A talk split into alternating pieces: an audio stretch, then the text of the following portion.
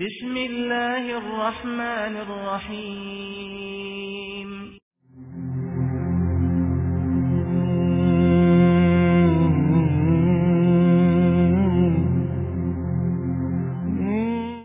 خوب در باب فضائل حج همین قدر می‌خواهم بگویم که از مجموع روایات و احادیث نبوی معلوم می شود که حج یکی از بهترین عملهای صالح است.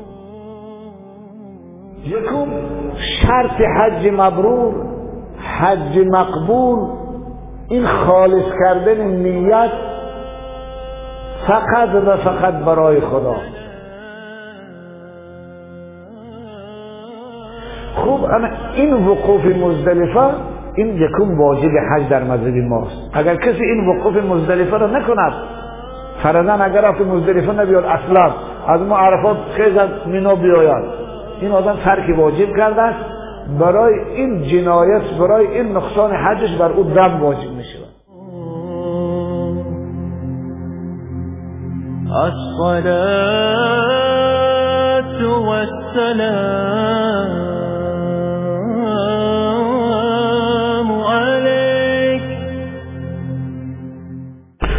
بسم الله الرحمن الرحيم. الحمد لله رب العالمين. والصلاة والسلام على أشرف الأنبياء والمرسلين وعلى آله وأصحابه أجمعين. السلام عليكم ورحمة الله وبركاته. محترم جماعة أهل اسلام مهمانان خانه خدا با استفاده از این لحظات مبارک و نزول رحمت قبل از همه برای یکایک شما و اهل خاندان شما از خداوند تبارک و تعالی بهترین نعمتهای دنیا و آخرت را که ایمان و امان و تندرستی است و علم و عمل و فراخ دستی است مسئلت دارم. خداوند بیماران شما را و بیماران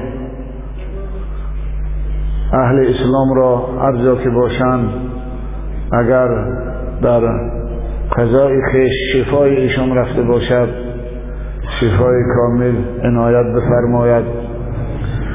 و مسافران شما را هر جا که باشد پروردگار در پناه اسمت خیش محفوظ بدارد. و فرزندان ما و شما را و فرزندان اهل اسلام را خداوند توفیق پیروی نمودنی از قرآن و سنت و استقامت در راه شریعت نصیب روزی گرداند. و از خطرهای فساد اخلاقی, اخلاقی و از نقشه های شوم دشمنان اسلام. پروردگار پسران و دختران ما را در پناه اسمت خود حفظ نماید. و اینچنین به کاسبان و تاجران و زراعتکاران و چارواداران و خلاصه کل کسانی که دنبال رزق و روزی حلال هستند خداوند در کسب و کارشان و محنت حلالشان برکت عطا فرماید. و خداوند هرچی زودتر مشکلات زندگی را فقر و تندستی را و این بحران اقتصادی را از از کشور ما برداشته گرداند. و به جای آن امنیت و تنجی و فراخ دستی نصیب روزی بفرماید و این چنین دعا بکنیم پروردگار در حق برادران مسلمان مستضعف ما در هر گوشه دنیا که هستند خصوصا اونهایی که زیر سلطه استلاگران و متجاوزین قرار دارند پروردگار به ایشان اولا فتح نصرت بعد از آن آزادی کامل از زیر سلطه دشمنان اسلام براشان نصیب روزی گرداند. زمین های غصب شده ما را خصوصا عراق و افغانستان و قدس شریف را پروردگار از دست استیلاگران آزادی نصیب روزی گرداند. و در آخر دعا بکنیم در حق برادران و پدران ما که در این روزها آمادگی سفر خانه خدا دارند و خصوصا که هفته آینده انشاءالله این سفر مبارک شروع می شود دعا بکنیم که پروردگار سفر عبادت و زیارت ایشان را سفید و خیر و مبارک بگرداند و خداوند حجهای ایشان را مبرور و گناهانشان را مغفور و سعی و عملهایشان را مشکور بگرداند و بعد از انجام سفر سا صحت و سلامت با غنیمت و با اون ثواب بزرگی که پیغمبر خدا برای حج کننده ها وعده فرموده است باز به وطن بازگردند و به زیارت ایشان ما و شما مشرف گردیم آمین یا رب العالمین. این چنین یکی از برادران ما که از راه دورم زیارت آمده بود و رنجورم بودند از ما برای بیماری خودشان برادر عزیزمون سید احمد اگر اشتباه نکنم نامشان همین بود. التماس دعا کردم که خیلی وقت از کرنجوری دارم. از اهل مسجد برای من التماس دعا بکند که خداوند من شفای کامل عنایت فرماید. دعا بکنم خداوند از خزانه غیبش برای این بیماری برادر ما بیماری برادر ما و کل بیماران اسلام شفای کامل و عاجل نصیب روزی گرداند. اللهم رب الناس و رب اذهب بسه و اشفی انت الشافی لا شفاء الا شفاء شفاء الله یغادر سقما آمین. خوب موضوع صحبت امروز چنانه که در آغاز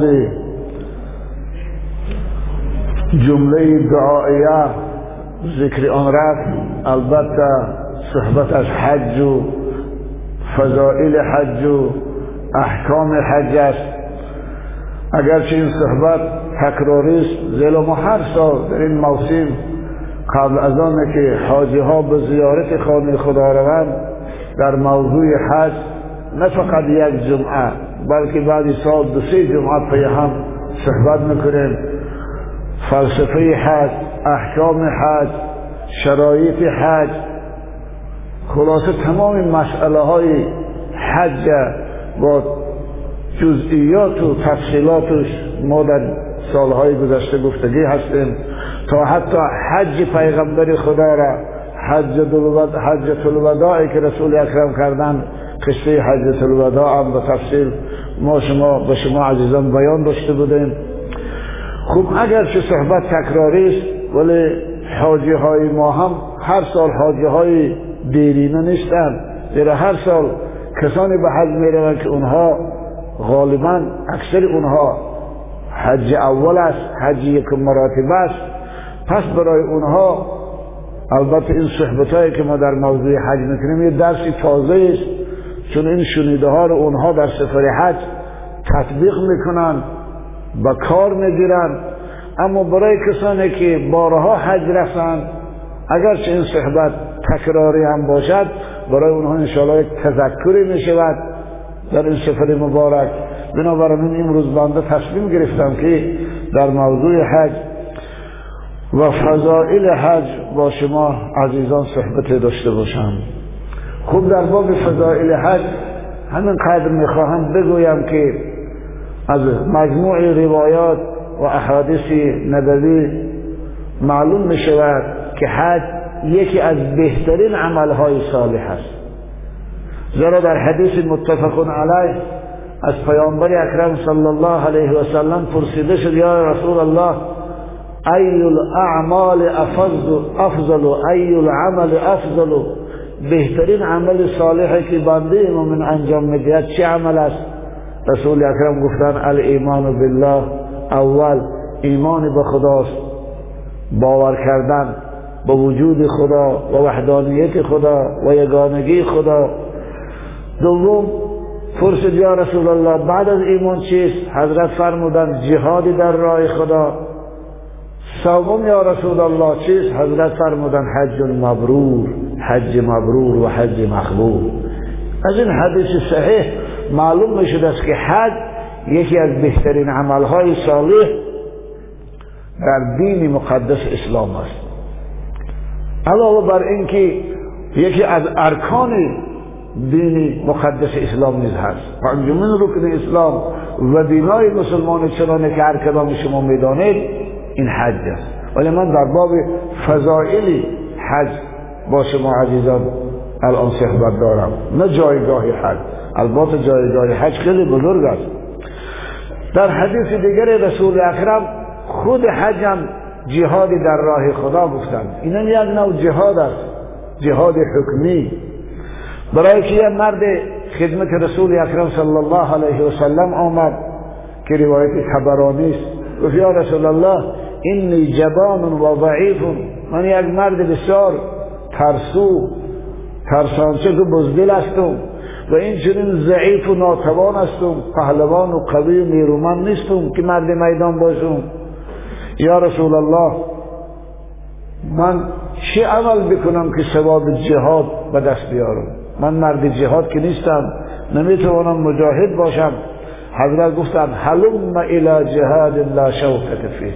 بیا من تو به یک جهاد دعوت بکنم که در اون جهاد شجاعت و مردانگی قوه و نیرو و دلاوری وجود ندارد. این چیزها در این جهاد نیست.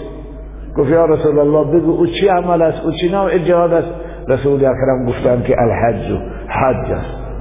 این چنین حضرت عایشه هم حدیث متفق علیه هست و پیغمبر خدا گفتن یا رسول الله شما جهاد بهترین عمل گفتید. ما زنها می‌خواهیم از ثواب جهاد برخوردار شدیم محروم نشدیم. چی کار بکنیم که برای ما هم ثواب جهاد حاصل شود؟ یا رسول الله یا با ما دستور بدید که با مردها به میدان رویم؟ یا یک عمل رو به ما بیان سازید که ثواب جهاد برامون حاصل شد حضرت گفتن لکن افضل الجهاد حج مبرور برای شما زنها بهترین جهاد حج مقبول است. حج رو گفتن. بنابراین من هر زنی که اگر شرایط حج براش موجود شود و حج رو انجام دهد انشاءالله ثواب جهاد براش حاصل می شود در روایت نسائی رسول اکرم صراحتا گفتن جهاد الكبیر و الضعیف و المرأة الحج. جهاد مردی سال خورده پیر مردها جهاد زن مسلمان جهاد انسانهایی که ضعیف و ناتوان هستند این حج است حج مبرور است. بالا نگذشته است پیش بذارید اهل علم شما. خوب. در فضیلت دیگری حج پیغمبر خدا حج از جمله محو کننده های گناه و پاک روح انسان روح بنده مومن از آلودگی های معصیت و گناه فرمودن که این حدیث هم حدیث ترمزی است حدیث صحیح است. حضرت گفتن تابعوا بین الحج والعمرة فإنها فإنهما ينفيان الفقر والذنوب كما ينفي الكير خبث الحديد والذهب والفضة. حضرت فرمودن گفتن ای امت اسلام حج و عمرة را پشت سر همدیگر انجام بدهید. بنابراین حج با عمرة اگر هر دو انجام شود این بهتر است از اینکه حج تنها بکنید. حج با عمره اینو میگن حج تمتع. حج با عمره می‌شود حج قران اگر باید, باید نیت باشد حج قران اگر با دو نیت باشد می‌شد حج تمتع. که اکثر حاجی های ما الحمدلله حج تمتع انجام میدیم حضرت دستور دادن که شما حج با عمره پشت سر همدیگر عمره کنید بعد عمره حج بکنید. این دو عبادت گفتن ینفیان الفقر و الذنوب.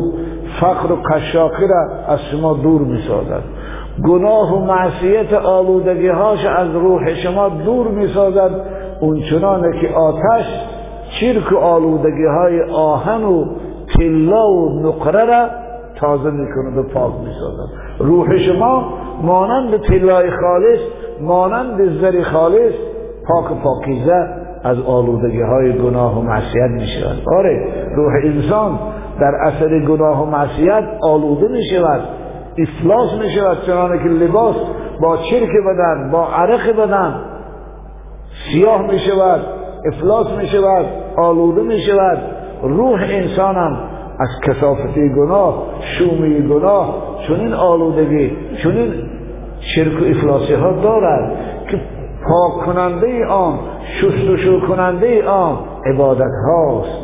نماز است روزه است حج است یکی از اون پاک کننده های روح ما. در حدیث دیگر رسول اکرم در باب فضیلت حج که این حدیث متفق علیه هست و همه می‌داند حدیث مشهور هم هست رسول اکرم حج تولد تازه تولد دوباره برای بنده مؤمن گفتن من حج فلم یرفس ولم یفسق خرج من ذنوب که یوم ولدته امه. هر که گفتن حج کند در حجش معصیت و گناه نکند با تمام شرایط و رعایت آداب و احکام حج به جا بیارد. رسول اکرم گفتن این انسان تولد دوباره مییابد. مثل طفل از مادر به دنیا آمده یا اینکه تولد می‌شود یعنی چی؟ انسانی که از مادر به دنیا بیارد ببینید روحش پاک و پاکیزه است. نامه اعمالش هم پاک و پاکیزه است. انسانی هم که با نیت خالص و رعایت احکام و آداب حج عبادت حج انجام بدهد چنین حالت براش پیدا می شود روح او هم از گناه و معصیت پاک و پاکیزه می شود و نامه اعمالش هم از اون ورقهای سیاهی که در طول زندگی داشت انسان شستشو شده پاک و پاکیزه می گردد بنابراین علما می‌گویند با عبادت حج چی نوع گناه های بنده شستشو می شود چی نوع گناه های بنده پاک می شود اختلاف است. اکثریت میگن منظور از این گناه های صغیره است. چقدر گناه صغیره که در طول عمر ذخیره شده است. اگر رفت با نماز و با وضو با نماز جمعه و جماعت اون گناه ها اگر رفت و پاک نگشته باشند زیر و خیلی زیاد هستند که حتی نماز ها مانم نماز جمعه و جماعت ها مانم کفایت نکرد. برای پاک شدن اون گناه ها با عبادت حج همه اونها پاک پاکیزی میشن همه اونها سخته می‌شود. اما گناهانی که بیرن او با توبه. اگر حاجی در این سفر حج توبه نصوح بکند توبه حقیقی بکند توبه راستی بکند شالا گناه های کبیرش هم از نامه اعمالش محروم می‌شود و روح او از گناه های کبیرم پاک و پاکیزه میگردد. جمهور چنانه که امام نووی نقل کرده است و همین قول قائل هستند که گناه کبیره با توبه پاک می شود ولی گناه های صغیره با مجرد عبادت حج از نامه عمل پاک پاکیزه میشه. ولی بعضی از علماها خصوصا بعضی از فقهای نظر ما قائل هستند که حتی بدون توبه کسی با نیت خالص زیارت خانه خدا را و عبادت حج انجام بدهد گناه های کبیرش هم مغفرت می شود گناه های کبیرش هم آمرزیده می شود ببینید چقدر این زیارت حج عبادت حج فضائل دارد. بالاتر از هم رسول اکرم در حدیث متفق علیه مکافات حج پاداش حج برای حاجی بهشت اعلان نمودند. بهشت با ناز و نعمت هاست. گفتن والحج المبرور لیس له جزاء الا الجنه حدیث متفق علیه است. چه مکافاتی بوده؟ خوشا به حال کسانی که با نیت خالص و ایمان کامل عبادت حج انجام می‌دهند. این حج مبرور می‌کنن. حضرت میفرمایند ثواب حج مبرور ثواب حج که مقبول درگاه خدا گشته است بجز بهشت پرناز و نعمت چیز دیگری نیست. این خداوند برای این حاجی فقط و فقط بهشت را با حور و قصورش لایق می‌داند دیگه این عام برای او لایق نمی‌داند. ببینید چقدر مکافات بزرگی است. حتی در باب خرج که شما در سفر حج می‌کنید معلوم است که سفر حج سفر است که خرج دارد خراجات دارد بدون خراجات نمی شود رسول اکرم گفتن هر سومی که در راه حج خرج می‌کنید مثل پول است که در راه جهاد خرج می‌کنید. این حدیث هم حدیثی صحیح است که ابن ابی شیبه روایت می‌کنند حضرت فرمودن ان نفقت فی الحج کم نفقت فی سبیل الله الدرهم به سبع مئت ضعف. ببینید حضرت فرمودن که هر سومی که شما در راه حج خرج می‌کنید برابر اون پول است که در راه جهاد خرج می‌کنید. خداوند به هر سوم شما به هر درهم شما 700 برابر اجر و پاداش میده ببینید یه درهم یه سوم در بانک خدا 700 درجه فائز دارد. 700 سود دارد. 700 برابر سود و فائز و درآمد دارد. و قول امروز این پرسنت دارد. بانک های اگر دنیوی چهار فائز و پنج فائز اگر حد اکثرشان اگر برای مال سرمایه گذارها پول سرمایه گذارها سود بدهند فائز بدهند. خداوند ببینید چه خرد سخی هست. برای هر سوم ما 700 برابر خداوند سود میتید فائز میتید فایده میتید بنابراین کسانی که در راه حج پولاشان خرج می‌کنند برای اون پول نباید حسرت بخورند. نباید پشیمان شوند که ما پولمان رو در راه خدا دانیم. بلکه خوشحالی بکنن والله این پول پول است که باقی مان این پول پول است که جاوید و پایدار مان اون پول که در خانه در صندوق می‌گذاری یا در بانک می‌گذاری یا با او سرمایه غن میداری مغازه می‌خری و کارخانه می‌خری. والله این فنا شده نیست. ما عندکم ینفدو و ما عند الله با خدا قرآن میگد این چیزایی که در نزد خودت اینا فنا شونده است. روز با مرگ از قبضه تو بیرون می‌شوند مال غیر می‌شود مال دشمنان تو می‌شود. اما این پول که این سال در راه حج خرجش کردی این در خزینه خدا در بانک خدا محفوظ میماند. با اون فائزی زیاده که بیان براش بیان کردیم. با اون سود به شماره که براش بیان کردیم. والله یضاعف لمن یشاء. والله واسع علیم. بنابراین برای پولی که در راه حج صرف می شود باید شما خوشحالی بکنید با دل کشاد برارد بدید خوب این فضائل حج بود که ما برای شما بیان کردیم. ولی این فضائل بدانید برای چه حج حاصل می شود گفتیم حج بهترین عمل است نزد خدا. گفتیم حج تولد تازه و دوباره است برای انسان برای بنده مونه. گفتیم که حج محو کننده و پاک کننده گناه از نام اعمال است. گفتیم حج جهادی در راه خداست. و پول او هر سومش هفتصد برابر سود و فایده دارد.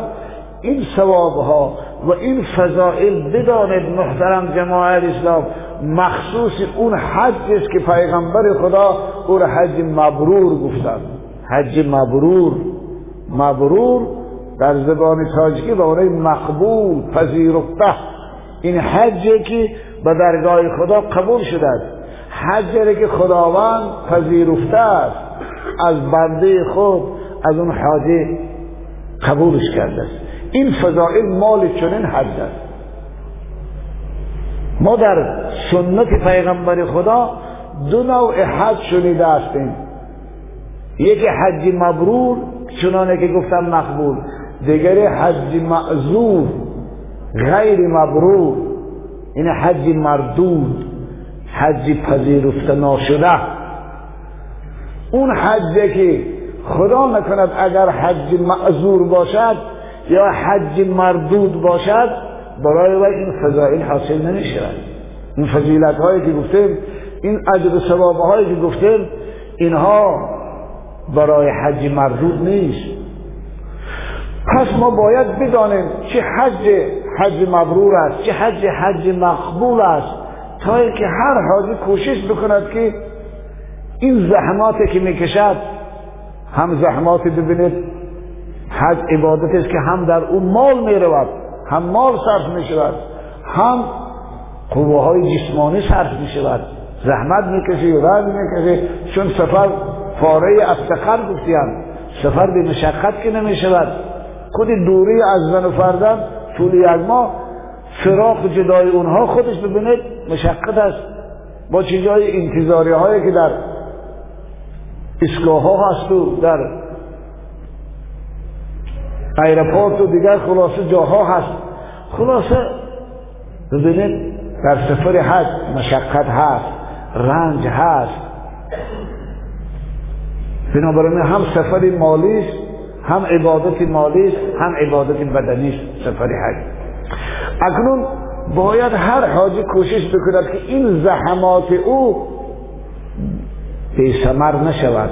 باید کوشش بکند که این رنج و مشقت های او هدر نرود. بی فایده نباشد به اجر و به ثواب نباشد. از این خاطر های حج مبرور حج مقبول شرط هاش به شما یک یک ذکر می‌کنم هر حاجی کوشش بکند این شرط ها را رعایت بکند. انشاءالله با رعایت این شرط ها حج او می‌تواند حج مقبول باشد و این فضائلی که در ابتدای صحبت بیان فرمودن انشاءالله برای اون نصیب روزی میگردد. یکم شرط حج مبرور حج مقبول این خالص کردن نیت فقط و فقط برای خدا. وقتی که شما تصمیم می‌گیرید قصد می‌کنید برای انجام عبادت حج در دلتان نیت کار دل است نیت عمل قلب است. در دل خود بجز خوشنوده خدا رازگی خدا و اجرای فرمان خدا باید دیگر چیزی وجود نداشته باشد. اگر ذره غیر از خدا در این نیت حج شما اگر وجود داشته باشد دانید که حج شما حج خلال دار شد اون حج حج مبرور نمیشه. بنابراین امام نبوی نقل کرده است از بعض علما که حج مبرور اون حج است که لا ریا فیه ولا سمعتا ریا و سمعه این خودنمایی و مشهور سازی نفس در اون حج نباشد. بنابراین کسانی که حج به خاطر خودنمایی به خاطر کسب شهرت و نام حاجگی به این مقصد به این نیت انجام می‌دهند حج اونها حج مردود است. اینا از حجشان همون چیزی که در دل دارند همون مقصدی که در دل دارند همون حاصل می‌کنند. همون نام حاجگی می‌گیرند خشک خالی تمام.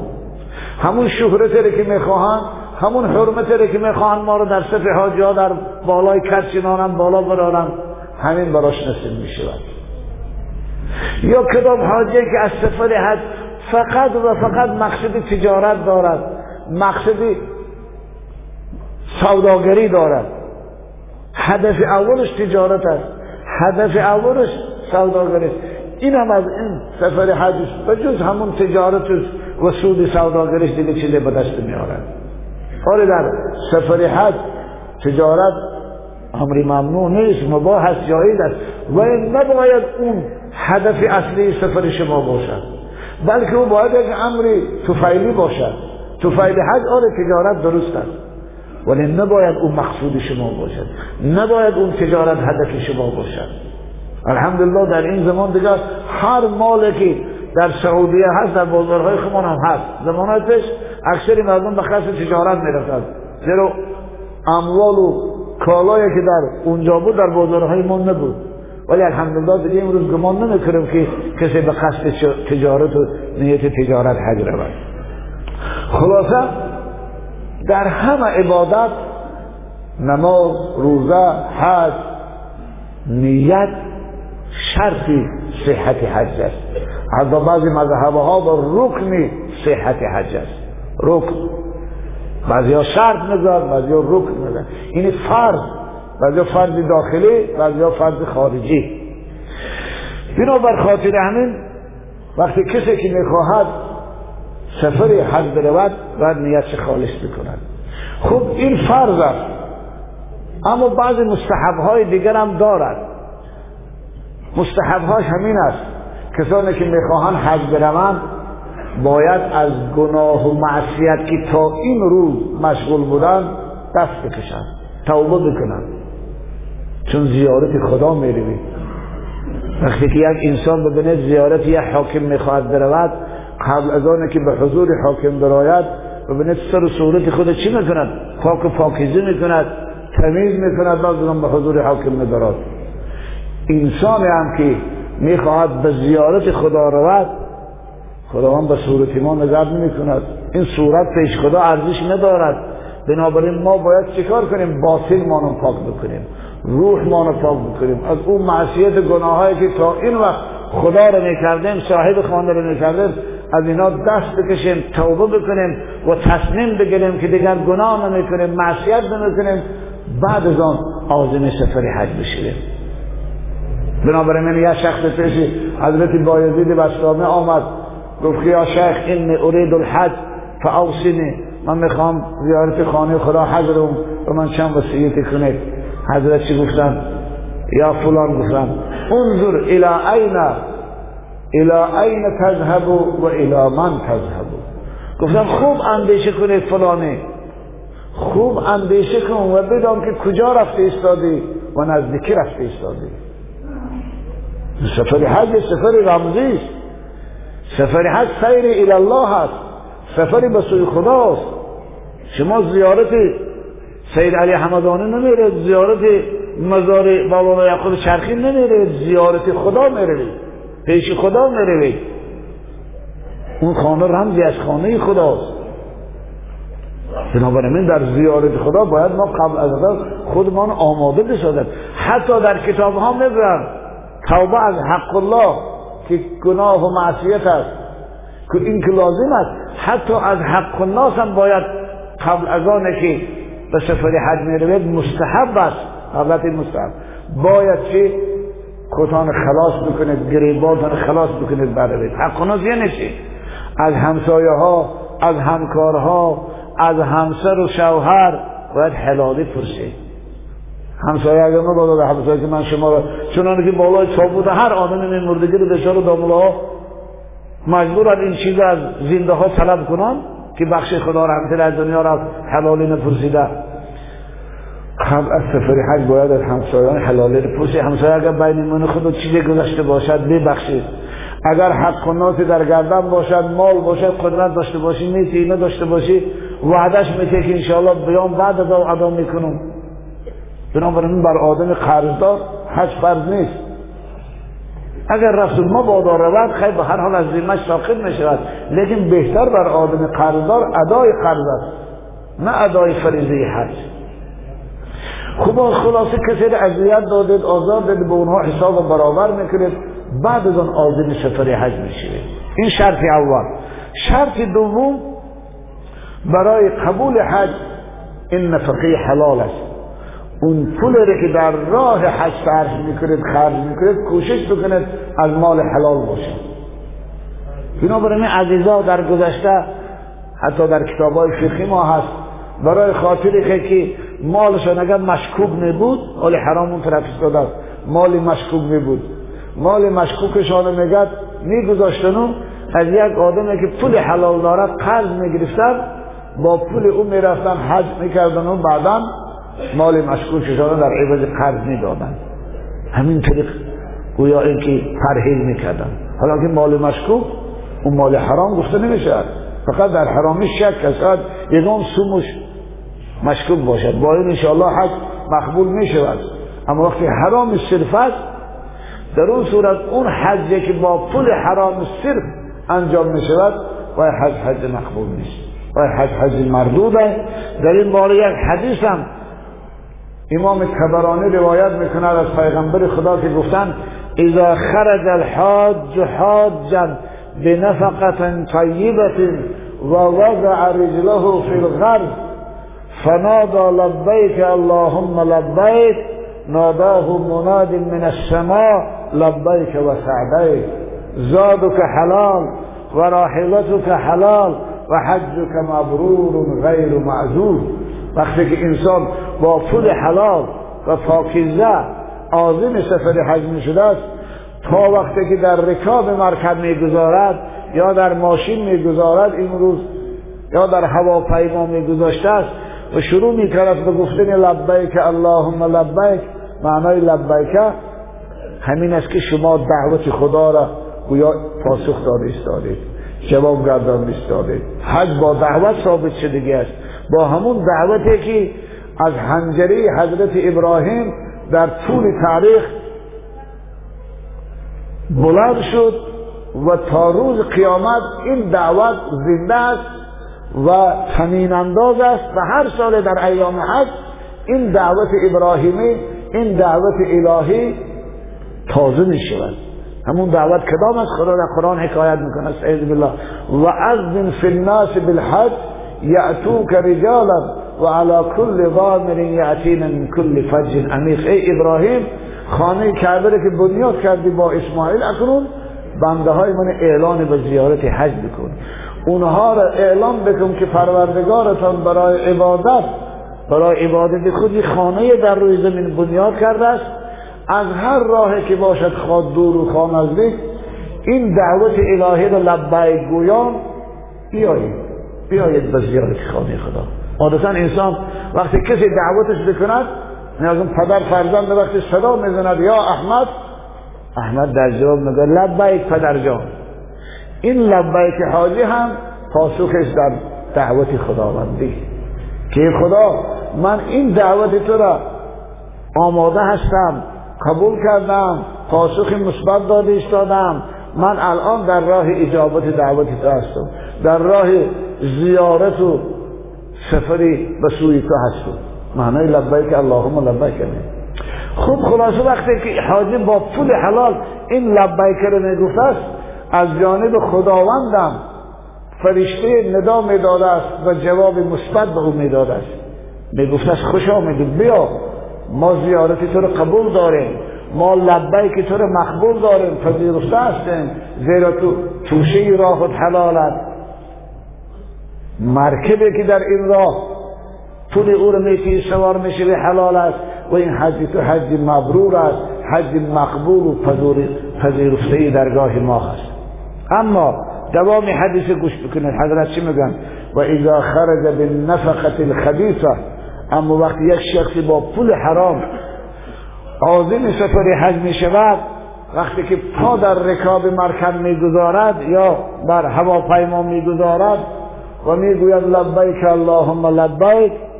اینم با دیگرها هم آواز میشه و لبیک اللهم. از جانب خداوند فرشته به او صدا میده که لا لبیک ولا سعده خدا پناهی. لا لبیک. یعنی جواب رد جواب مف جواب منفی از طرف خدا به او قرائت می‌شده است ای فلانی ما زیارت تو رو قبول نداریم. ما عبادت عبادت تو رو قبول نداریم.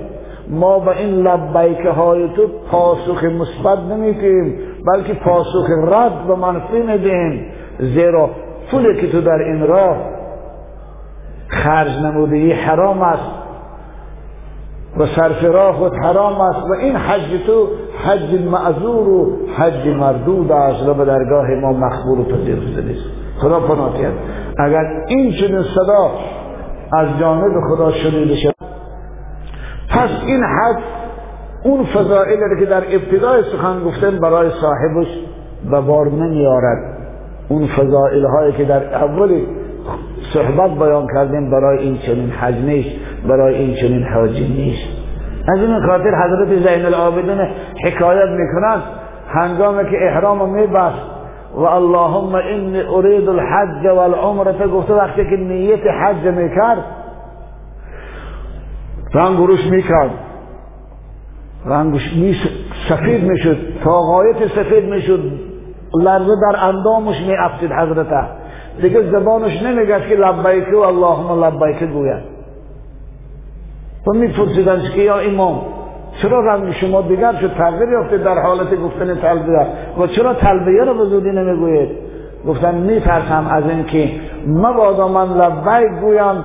در جواب لا لبیک صدا بدهد. لبیک ما رو خدا قبول نکند ببینید دوستای خدا چقدر میترسیدن. بنابر خاطر همین شرط دوم حج مبرور این نفقه حلال است خرج حلال است. اما کسی که با پول حرام حج می‌کند همین داند. فقط همین قدر او از این حجش حاصل می‌کند که فرض فرض حج فریضه حج از گردن ساقط می شود این اتفاق است امام نووی همه کتاب ها ذکر فریضه حج از گردن ساقط می شود بنابراین می‌گویند فلا یصاب از این حج ثواب حاصل نمی کند لعدم القبول به خاطر که حجش مقبول خدا نشده است. لیکن ولا یعاقب اقاب تارک الحج. همچون تارک حج روز قیامت خدا عذابش نمی کرده است. این قدر برد می کرده است. یعنی مادمه که با پول حرام حج می کند فریضه حج از گردن ساقط می شود روز قیامت به خاطر ترک حج خدا اقابش نمی کرد معاخذش نمی ولی از اون فضیلت های گفتن هیچی براش حاصل نمی شود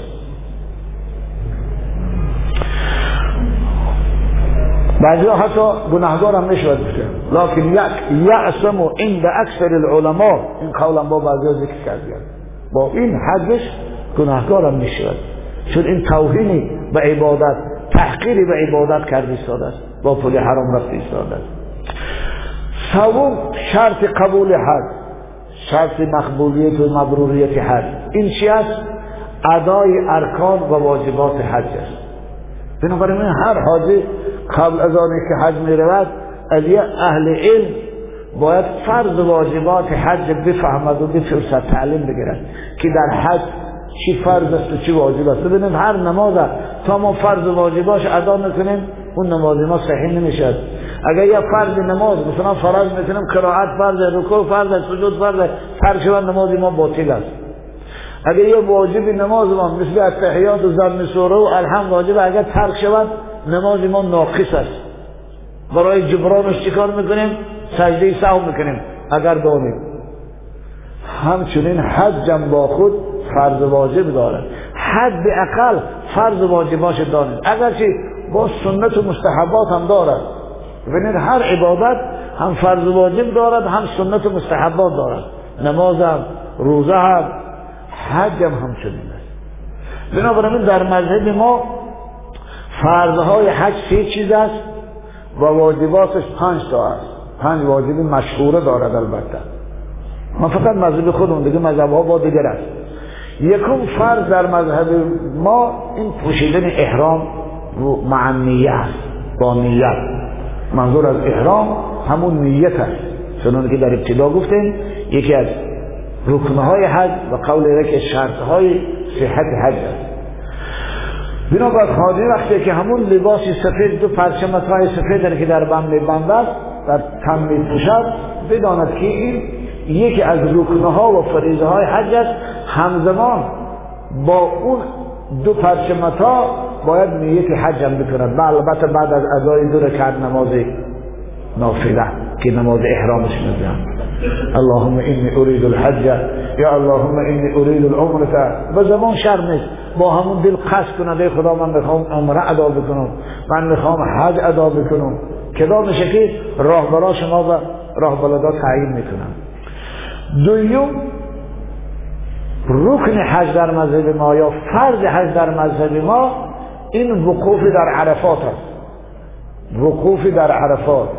وقوف در عرفات از کی تا کی است مثل هر نماز ببینید وقت دارد. مثلا بامداد از صبح صادق تا طلوع خورشید است. خب وقوف عرفات روز نهم ذیالحجه از زوال شروع می شود تا صبح روز عید.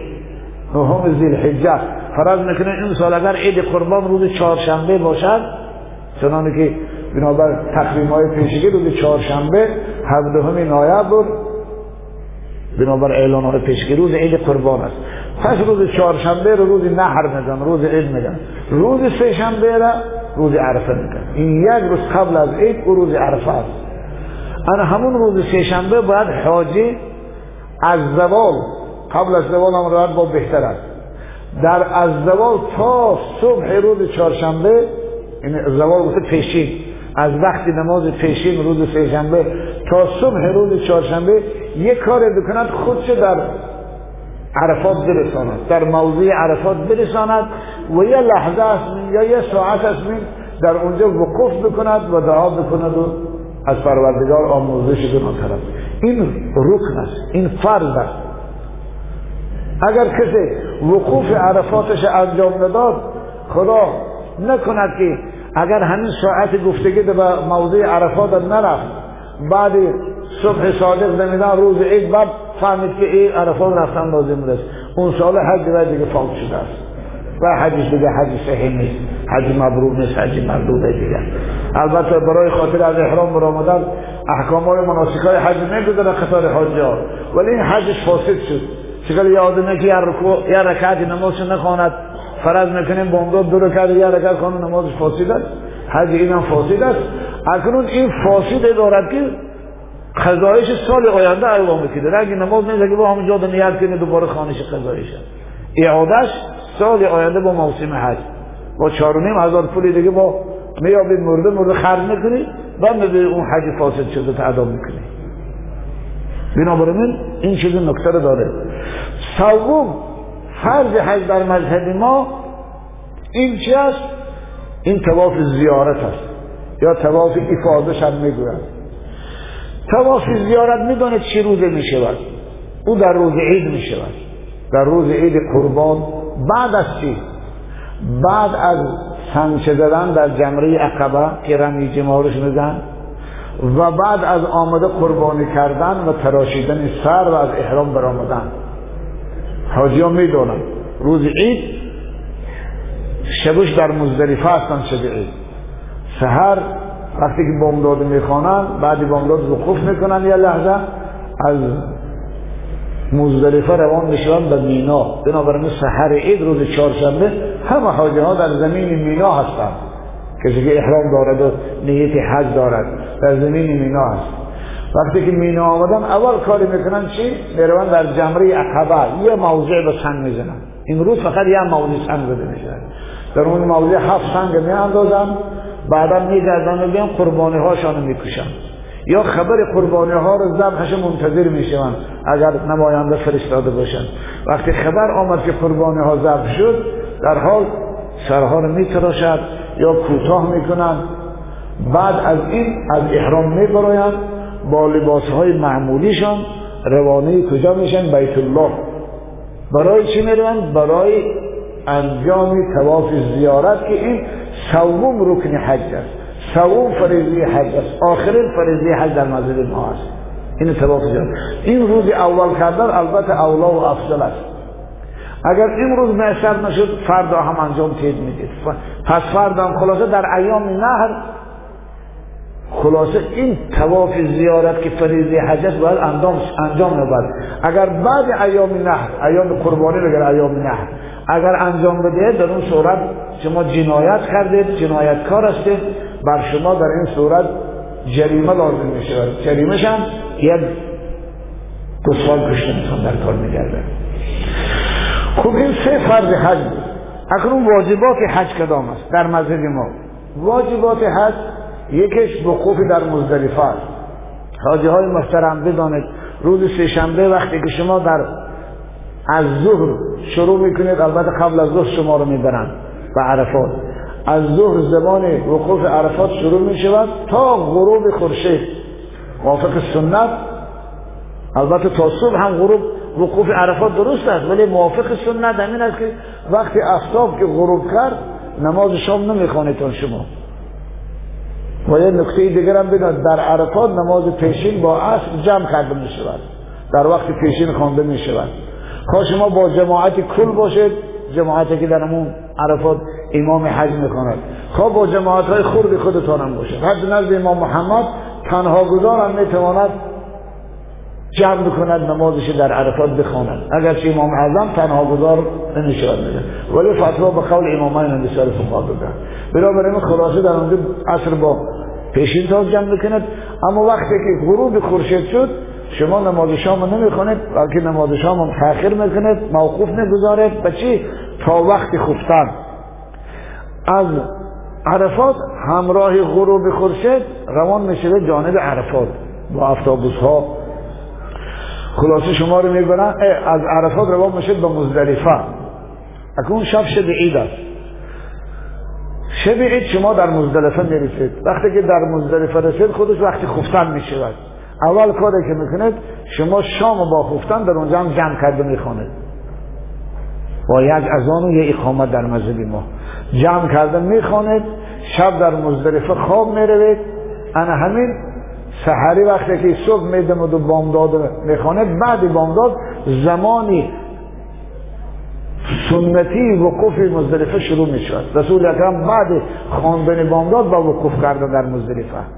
خلاصه همون شب به مزدلفه رفتن و یک زمانی در مزدلفه وقوف کردن شب هم که باشد کفایه می‌کند اگرچه بعد از صبح هم که نشود. بنا به رسول اکرم از واج متحرات همه شب وقوف کردن نیست شب اونها رو مینا فرستادن. صبح هم اونها در مزدلفه نبودن. شب هم کفایت می‌کند اگر صبح هم. لیکن صبح اصلی بهتر است. برای رسول اکرم صبح کردم بامداد خواندم بعد بامداد دعا کردن وقوف کردن با مینا روان شدن. بهتر همین کار کنید موافق سنت رسول اکرم می‌شود. خوب این وقوف مزدلفه این یکم واجب حج در مذهب ماست. اگر کسی این وقوف مزدلفه را نکند فرضا اگر رفت مزدلفه نبیاد اصلا از ما عرفات از مینا بیاید. این آدم ترک واجب کرده است. برای این جنایت برای این نقصان حجش بر او دم واجب می شود یه گوسفند باید کشد اون گوسفندهایی که دمش می‌گویند در فقه حکم همه سجده سو چون که سجده سو اگر در نماز یا واجب تر شود نقصان بشود نقصان های نماز ما رو اصلاح می‌کند. دم کشتن یک مال. این نقصان های حد اصلاح می‌کنند جبران می‌کنند. دویم واجب حد این سعی بین صفا و مروه است. سعی بین صفا و مروه این هم دو تپ تپه است تپه است که الان بالاش هم پوشیده است دیگه تپگیشان هم نمیتاود در کنار خانه خداست. بعد تواف مثلا عمره کنید بعدی تواف بیت الله شما باید سعی صفا و مروه کنید. با وقتی که از بسیار متمتعان مثلا عمره می‌کنن برای عمرشون تواف و سعی با وقتی که دوباره روز ترویه احرام حج می‌برن با برای حجشون با تواف زیارت و با سعی دیگر می‌کنن. فهمیدی؟ بنابراین دو سعی میشون متمتع ها دو سعی می‌کنن. یه سعی برای عمره یه سعی دیگر برای حجشان این سعی بین صفا و مروه از واجبات است. در مذهب ما واجب است ولی در مذهب جمهور فرض است. بنابراین کوشش بکنه که ترک نشود. سعی بین صفا و مروه اگر ترک شود در اون صورت حج شما حج چی است؟ در مذهب ما حج ناقص است. با دم خد جبران می‌شود. ولی در مذهب جمهور فاسد است. لیکن سعی صفا و مروه همینو دانید. بعد گذشتن وقت هم به خاطر بیاد کنه دم ساکن می شود مثلا فرض کردیم امروز تواف کردید حج سعی صفا و مروه فراموش نکردید. برآمدید از مسجد الحرام رفتید. ثانی فقط از کسی فهمیدید یا دو روز پس فهمیدید قبل از آنه که خلاصه از مکه بیایید. فهمیدید آماده اعادش کنید همون دم واجبه گردنتون ساکن می شود ولی اگر نکردید در گردنتون قبل نموند سیوم واجب حج رمی جمار است. این سمچه انداختن بر شیطانهای رمزی. سی شیطان بزرگ به صورت دیوارهای حال خیلی فهم و پیش وقت به صورت سینچوب ها بود. امروز خیلی دیوارهای فهمش کردن در مینا قرار دارد. این همون موضوع است که حضرت ابراهیم و اسماعیل علیه السلام شیطان بدبخت سنگسار کرده بودند. خوب در این سه موضوع سنگ انداختن سنگ زدن اینم از واجبات حج است. سه روز شما پای در در این موضوع شیطان سنگباران می‌کنید همین دانید روز اول فقط یک جمره را یه شیطان رمز رو سنگ می‌زنید که جمره اخبا یا جمره اولاش می‌گویند. جمره نخستی. اول همون سنگ می‌زنید تمام. تو چه دیگهش نمی‌زنید روز دوم سه. هر سه جمره ها با هر سه شیطان های رمزی رو سنگ می‌کنید روز دوم عید. روز اول عید یکیشه. روز دوم عید هر سه روز سوم عیدم هر سه شیطان های رمزی رو سنگ دادن هفت سنگی بر هر کدام. هر سه واجب است. انا این سه روز رمی جمار واجب حتمی است حتمی است که شما باید ادا بدونید اگر یکیش ترک کنه ترک واجب می‌شود. و شما دم واجب می‌شود جنایت می‌شود. جریمهش گفته با یک مال کشتن و کردن است. بنابراین این سه روزه خودتون ببینید. حال بسیاری ها تنبلی نکردیم به عذر نمی‌روند. یا آدم میگه توجه مثلا نامعقول کرده کتابات میگه فقط عذر داشته باشی.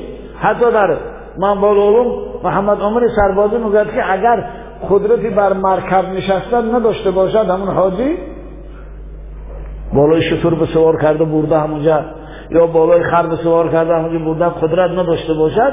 همون صورت به یه آدم دیگه وفاش وکیل کند رود سمچه زند اگه وقتی خودش قدرت داشته باشد به پاش میگشته باشد باید رود سنگ خودش با دست خودش بگیرد یا آدم دیگه رجای خودش وکیل نکند وکیل توکیل فقط در حالت ضرورت جایز است. بسیار حاجای تنبل می‌دانم من. انا راحت طلبا نمی‌خوان در اون ازدحام عرق و زحمت کشن بنابراین در جاشون دیگه ما رایی می‌کنن والله حج مشقت دارد دادری عزیز به مشقت که نمی‌شود؟ هم راحت و هم ثواب. این نمی‌شود. خب این سه روز هر فرد حاجی و حتمی است باید سنگ بزن. روز چهارم عید اختیاری است. روز چهارم عید سنگ زدن بر سه هر سه جمره اینش اختیاری است. کسی اگر در مینا موند واجب است که این سه روز این سه جمره هم روز چهارم سنگ بزنه. برای که پیغمبر خدا زدن. اما کسی که از مینا روز سیوم بیرون شود براید اون صورت دیگر گردنش ساقط است. بسیاری ها بنابراین روز چهارم سنگ نمی‌زنن اگر چه رسول اکرم زدن. اگر البته راهبراتون راضی شود سنگ زدن بهتر است. خوب این سیوم واجب حج رو در نظر چهارم چهارم حل تراشیدن سر و یا کوتاه کردن مو. این چه وقتی می شود این بعد از در حج البته در حج بعد از روز عید که در جمره عقبه یه جمره سنگ زدید و آمدید قربانگاه و مالتان از قربانی کردید بعد از این به تراشیدن سر وقتش فرا می‌رسد. تراشیدن سر. اما در عمره حالا بسیاری حاجی ها حج تمتع میکنیتون شما. شما اول عمره میکنیتون که عمره یه تواف دارد و یه سعی. بعد این تواف و سعی بعد انجام عمره با حق دارد شما فهمیدی؟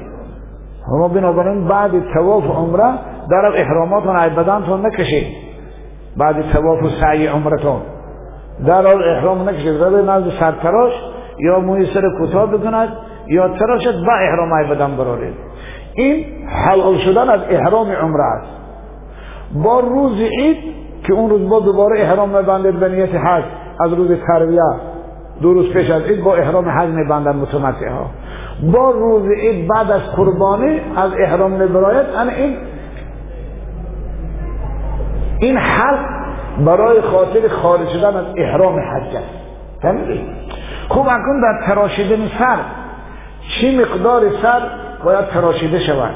حد اقلش حد اقل در مذهب ما باید چهار یک سر. باید چی؟ تراشیده شود یا کوتاه کرده شود. چهار یک اگر کسی چهار یک سر تراشد و ما بقیهش نتراشد خوب واجب ادا میشه. لیکن مع کراهیت مکروه است برای که اون صورت صورتی چی میشه؟ یعنی سر تراشید یعنی مثلا پش تاریخ نمیشه داده بنابر خاطر همین سنت همین است که کل سر بتراشه رسول اکرم کل سرشون تراشیدن. و دعا کردن رحم الله المحلقین سه مراتبه برای تراشنده های سر دعا کردن یه مراتبه برای کوتاه کننده ها بنابراین در قرآن محلقین رؤوسکم و مقصرین اول خداوند تراشنده های سر ذکر کرده است و کوتاه کننده ها بنابراین تراشیدن سر اولا و افضل از کوتاه کردن است. و سنت پیغمبری خداست.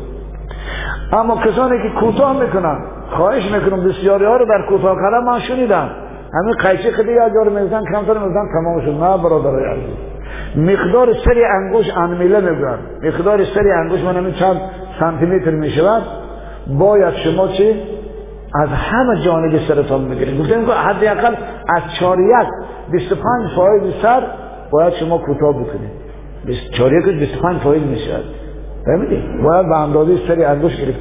با اون صورت این واجب این واجب حج از ذمتون ساخت میشه اما اگر می قیشی دیدی کم در اجزا باید به اون صورت حج نکردی تو واجب به جا آوردی اون حج تو حج ناقص در گردن دم واجب میشه اگر با همون حال گردی. از این خاطر بهترش در احرام عمره وقتی میبراید سراتان کوتاه کنید. در احرام حج سر تراشید. یا هر دوشم تراشید بهتر است. هر دونم تراشید بهتر است. اگر رفت کسی کل باشد سری تاس داشته باشد یگان مونه دارد. این بشاره چیکار کند؟ برای دیگه اون حلق است نه قصر است بیچاره این به ها می‌گوید که این آدم بعد که همون از احرام عمره از احرام حج می‌خواد براید نزد همه حلاق سرفراش رود گوید که هم پاکور در بالای سری من برده آوردن خلاص هم سری کلش باید فاکر برای آورد. همین حتی بعضی همین واجب های هم برای همون کل واجب است که نزدی سرفراش رو بود سرفراش فاکر در سری او دمانه امرار الموسا کتاب بود میگن علا واجب خوب بعضی گفتن واجب نیست که مستحب نکنن اما این کل خلاص کل از سرفراشی در ایام حج آزاد بوده بیچاره خلاص بوده لیکن کنند بهتر است برای که مستحب است خوب پنجم تواف حج پنجم تواف حج این تواف صدر میده پنجم فریضه واجب حج پنجم واجب حج این چی است؟ این تواف صدر است. تواف صدر این تواف بدان میده این برای حاجی است که غیر مکی هستن. مردم مکه نیستن. مثلا از جاهای ما می‌روند. اما اینها بعد از که تواف زیارت می‌کنند و رمی جمار سه روز در مینا سمچه می‌زنن قبل از آنه که از مکه می‌خواهند بیرون شوند وقتی که راه بلداشان گوید دو فلانه ها من ما فردا انشاءالله از مکه آزم مدینه میشیم. یا از مدینه مثلا جای دیگر میریم. انا در همین صورت و شما روید آخرین کاری که می‌کنید این چی است؟ این رو کنید که اینم هفت پیچ است.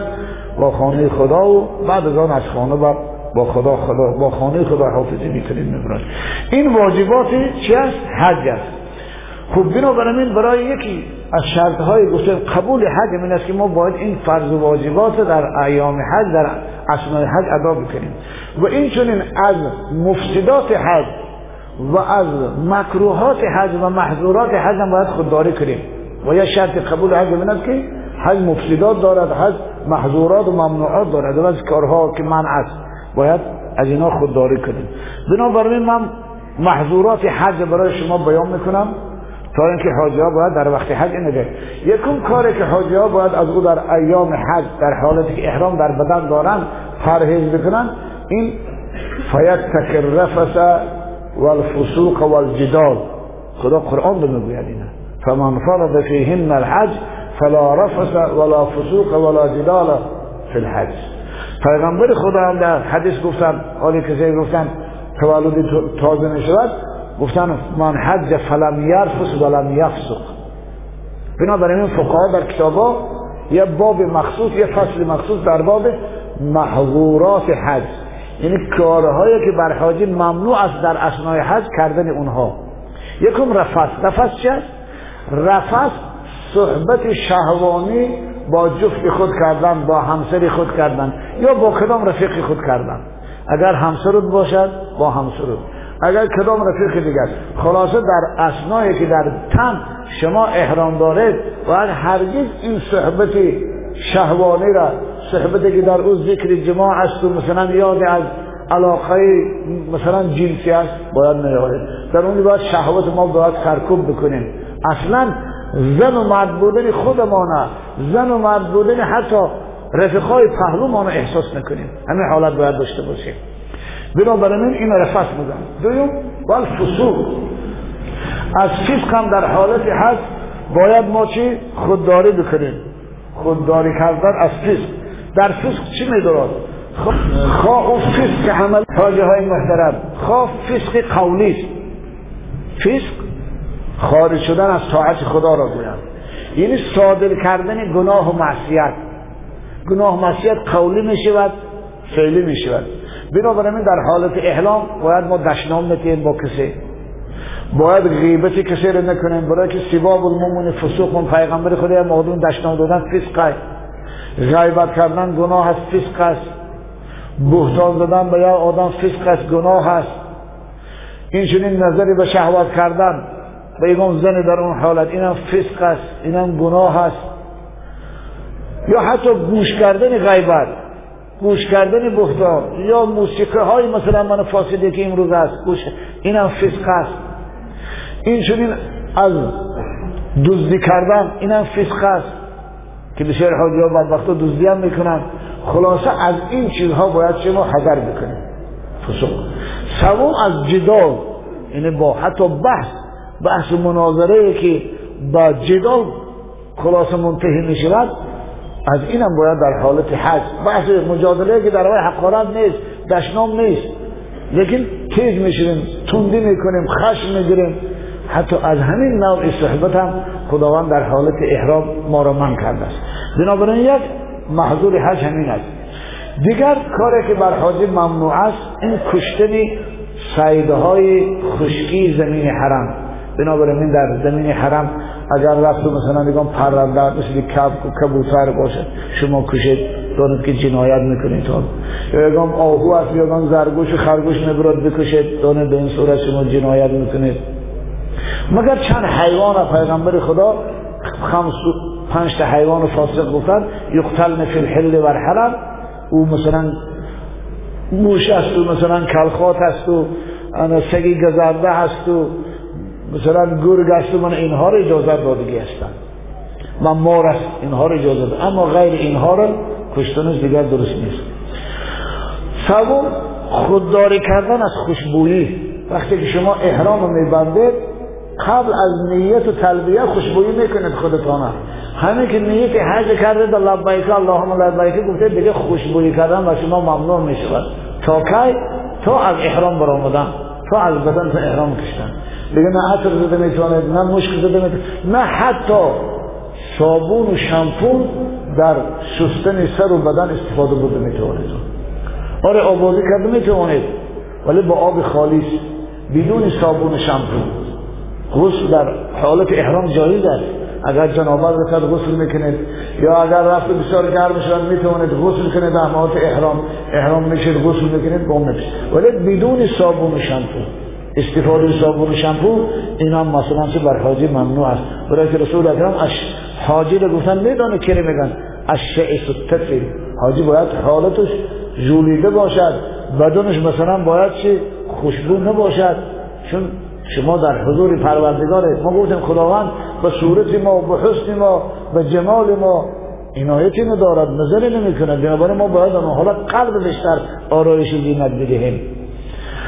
خوب این چنین حتی از روغن کردن از چربو کردن از وزلین و از مثلا کرم مالیدن هم در اون حالت باید حذر بکنیم اگر کسی یک عضو کاملش خوشبو می‌کند وزلین های خوشبو مثلا سرش مالد یا مثلا ساقش از زانو تا پا یا دستش از آریم تا مثلا بند دست میمالد جنایت است یه گستان برگردنش واجب می شود اما اگر کم باشد از یه عضو کم در اون صورت نصف سا صدقه می‌کنه این چنین از گرفتن ناخون از تراشیدن موی زیر بغل موی زیر ناف از حتی کندن ریش یا موی سر در حالت احرام یا تراشیدن و کوتاه کردن از اینها هم باید پرهیز بکنید بنابراین کسی اگر همه ناخونهای دست و پاش هر چهارش یک جا بگیرد امام اعظم میگه چهار گوسفند در او واجب میشه قربانی کنند چهار تا. ابو یوسف امام اعظم چهار تا نداد حتی امام محمد خدا رحمتش کنه یک تا گفت اون که تداخل میشه گفت اما اگر یه دستش کند یا بعضی انگشتار کنه بعضی در این صورت صدقه نیست سای گندم لازم است که صدقه بکنه خوب خلاصه لباسی دخته شده هم نمیپوشد سرش هم تاقی نمی‌گیرد. اگر کسی لباس دخته شده را مقدار دوازده ساعت منبال علوم نگفته که نیم روز می شود اگر در بدن لباس دخته پوشد خواه مکه خواه کرته خواه زیر پوشد یا سرش بپوشاند با یکم کلاه در این صورت بر اون یک گسلان واجب می شود که باید قربانی کنه. جنایت کرده است. اما اگر از دوازده ساعت کم باشد فرض می‌کنه شش ساعت بود. این صورت نیم ساعت. یعنی تقریبا دو کیلو آرد و گندم یا پلو صدق کردنش لازم است خوب خلاصه این محظورات حج رعایه کردن این امور هم بر حاجی برای مقبول شدن حج و شرط این چهارم شرط قبولیت حج بود. پنجم آخرین شرط قبولیت حج این چی است؟ متأثر شدن حاجش از سفر حج. و حاجی از این سفر وقتی که برمیگردد اثر حج تأثیر حج باید در او باقی گذاشته باشد. یعنی چجوری؟ چجوری اثر گذاشته باشد؟ ان یرجع زاهدا فی الدنیا و راغبا فی الاخره حسن بصری میگه این است که حاجی حالتش دیگر می شود رغبتش به طاعت و عبادت بیش میشه از کار دنیا بیرن از گناه و معصیت که قبلا بعضی گناه ها رو مرتکب میشه دیگه دست می‌کشن.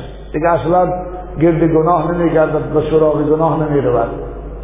این یک نشانه متأثر شدن حاجی از حجش است. دیگر نشان از پیغمبر خدا رو وقتی پرسیدن که یا رسول الله علامت قبول حج چیست و ما برهو؟ حضرت فرمودن اطعام الطعام ولین الکلام و بعض روایت و افشاء السلام. یعنی سخاوتش بخشندگیش بیشتر می شود اهل جود و سخاوت می شود اگر غنی باشد و باره دیگر اینکه لین الکلام خوش کلام می شود یعنی اخلاقش خوب می شود اگر قبل از این آدم خشین درست سخن و درست معامله و بد اخلاق بود. بعد از حج خوش اخلاق می شود خوش سخن می شود دیگه اون حقارت و دشنانه که قبلا زبانش عادت کرده بود او دیگه از زبانش کوشش می‌کنه که دور بکند اون خود که زشتشه کوشش می‌کنه در همون عرصات عرفات پرتافته بیاید. خلاصه از صفات رضیله باید حاجی دست بکشد. چنانه که از گناه و معصیت دست می‌کشد از صفات رضیله باید دست بکشد این از نشانه های قبول حج شالا کدام حاجیه که اگر این گفته ها را حلقه گوش بکند در سفر حج خود اونها را سرمشق عبادت خود قرار بدهد و بعد از برگشتن از حج چنانه که گفتیم بهتر از گذشته شود هم از نظر عبادت و طاعت هم از نظر اخلاق. شاید حاجی حاجی مب... حجش مبرور است. حاجی است که در ابتدا فضائل حج او رو ما بیان کرده شاید بجوز بهشت پر ناز و نعمت دیگر براش مکافات نیست. لیکن خدا نکند اگر رفت این علامات و نشانه های قبول حج در اون نباشد خصوصا اکثر حاجی ها همین شرط پنجم که متأثر شدن از حج است در اونها دیده نمی شود بعد از حج می بیاید همون احمد فارغه به قول سعدی همون خیر حضرت عیسی خیر عیسی گرش به مکه برند چون بیاید هنوز خر باشد باز گناه و معصیت باز بین نمازی باز ترک جماعت باز همون دهان و باز همون حقارت و باز همون دشنام و باز همون سخنچینی و خبرکشی. خلاص همون کردارهای زشته که قبل از حج می‌کرد بعد از حج با انجام میتید این خود نشانه این است که این حاجی حجش به درگاه خدا قبول نشده است. اگر قبول می‌شد باید اصلاح می‌شد. اگر قبول می‌شد باید تغییر میافت تغییر سلوک می‌کرد. بنابراین حضرت سعدی سخن دارد در گلستانش. بگوید کدام سال نگه سفر حج میگشتیم؟ قافله در راه. همه قافله حاجی ها بود. بین حاجی ها میگه جنجال و نزاع شد. جنجال و نزاع به زنازنی و به دشنام و حقارت تو اون طرف استادگی در اون زمان هم بود در خلال ما. و حضرت میگه به خود گفتم که پیاده شطرنج وقتی که در میدان شطرنج بازان می‌دونن پیش می‌رود بهتر از گذشته می‌شود این شاه می‌شود. اگر وقتی که شطرنجبان ماهرانه همون پیاده رو پیش برد گویا شاه می‌شود. تاج از تاج از سرش می‌گذارن. اما پیاده حاجی های ما به جای اینکه بهتر شوند بدتر شدن. پیاده میدان شطرنج میگه بهتر می‌شود وقتی که پیش رود شاه می‌شود پیاده های حاجی ما میگن حاجی ما به جایی که بهتر شدن بدتر شدن. و بنابراین یا شعر شعر یا بیت میاره میگه که از من بگوی حاجی مردم گذای را اون حاجی که دلازار است و مردم اذیت میده از من به اون بگو که حاجی تو نیستی اشتر است. از برای آن که بیچاره خار می‌خورد و بار می‌کشد. تو برادر عزیز تو حاجی نیست یعنی مشتری که تو رو برداشته برد و آورد انا حاجی شده دیگه. که بیچاره علی قناعت با خار قناعت می‌کند خدمت مردم می‌کند کسی رو اذیت و آزاد نمید حاجی حقیقی هوای شده است. ولی تو حاجی نیستی. حاجی تو نیستی اشتر است. از برای آن که بیچاره بار خار می‌خورد و بار می‌کشد. زیان از دارد دعا بکنیم پروردگار حج های ما را که این سال نیت حج دارم پروردگار عبادت ها شدن و درگاهش قبول کنه حجهاشون از جمله حجهای مبرور بگرداند از جمله حاجی های بگرداند که این سفر مبارک در روح اونها در سلوک اونها در اخلاق اونها تأثیر عمیق گذارد و بعد از برگشتن از حج خداوند حال اونها را بهتر از حال گذشته بگرداند و کسانی را که به زیادی خانه خدا مرفتند در حق ایشان دعا کنیم خداوند به ایشان نصیب روزی گرداند که روز به زیادی خانه خدا مشرف شوند بنا آتنا فی الدنیا حسنه و فی الاخرت حسنه و قنا عذاب النار. چرا با بعضی مسئله های نگفته حج در جمعه های سوال و جواب اونها را انشاءالله بیان می‌کنیم. زیرا همین اونو در صحبه نمیشه تموم کرد. در آخر یک اعلان یه صورت یه مادر آورده است پیسرش خلاصه گم شده است. مادر فرزند گم شده داشت. از با اسم دلیل حسن و خوب من صورتش هم در اینجا هست. تلفنش هم گذاشت. از 918 39 23 91 918 39 23 91 بچه خلاصه بچه یالی نوجوان است نورس است. خلاصه حال بالغ ناشده هست. نامش دلیر بوده است فامیلش حسن و از شهر دشنبه بوده است. خوب کسی که اگر سراغه از این فرزند گم شده این مادر داشته باشد اگر رساند انشاءالله خیلی ثواب بزرگ می‌گیرد. برای که برای فطور محفظ بیشتر از این دیگه نعمت نیست که فرزند گم شده خودش پیدا بگیرد مثل که حضرت یعقوب چشمهای نابیناش از دیدار یوسف بینا شد شامل حیاتی دوباره پدر مادر او می آورد اینا بهترین عمل ثواب است. کسی اگر درک دارد خلاصه خدمت کنه ثواب دعا بکنه خداوند این مادر ما را دست برساند مانند حضرت یعقوب چشمهای او را خداوند از دیدار فرزندش منور و روشن بگرداند السلام علیکم و رحمت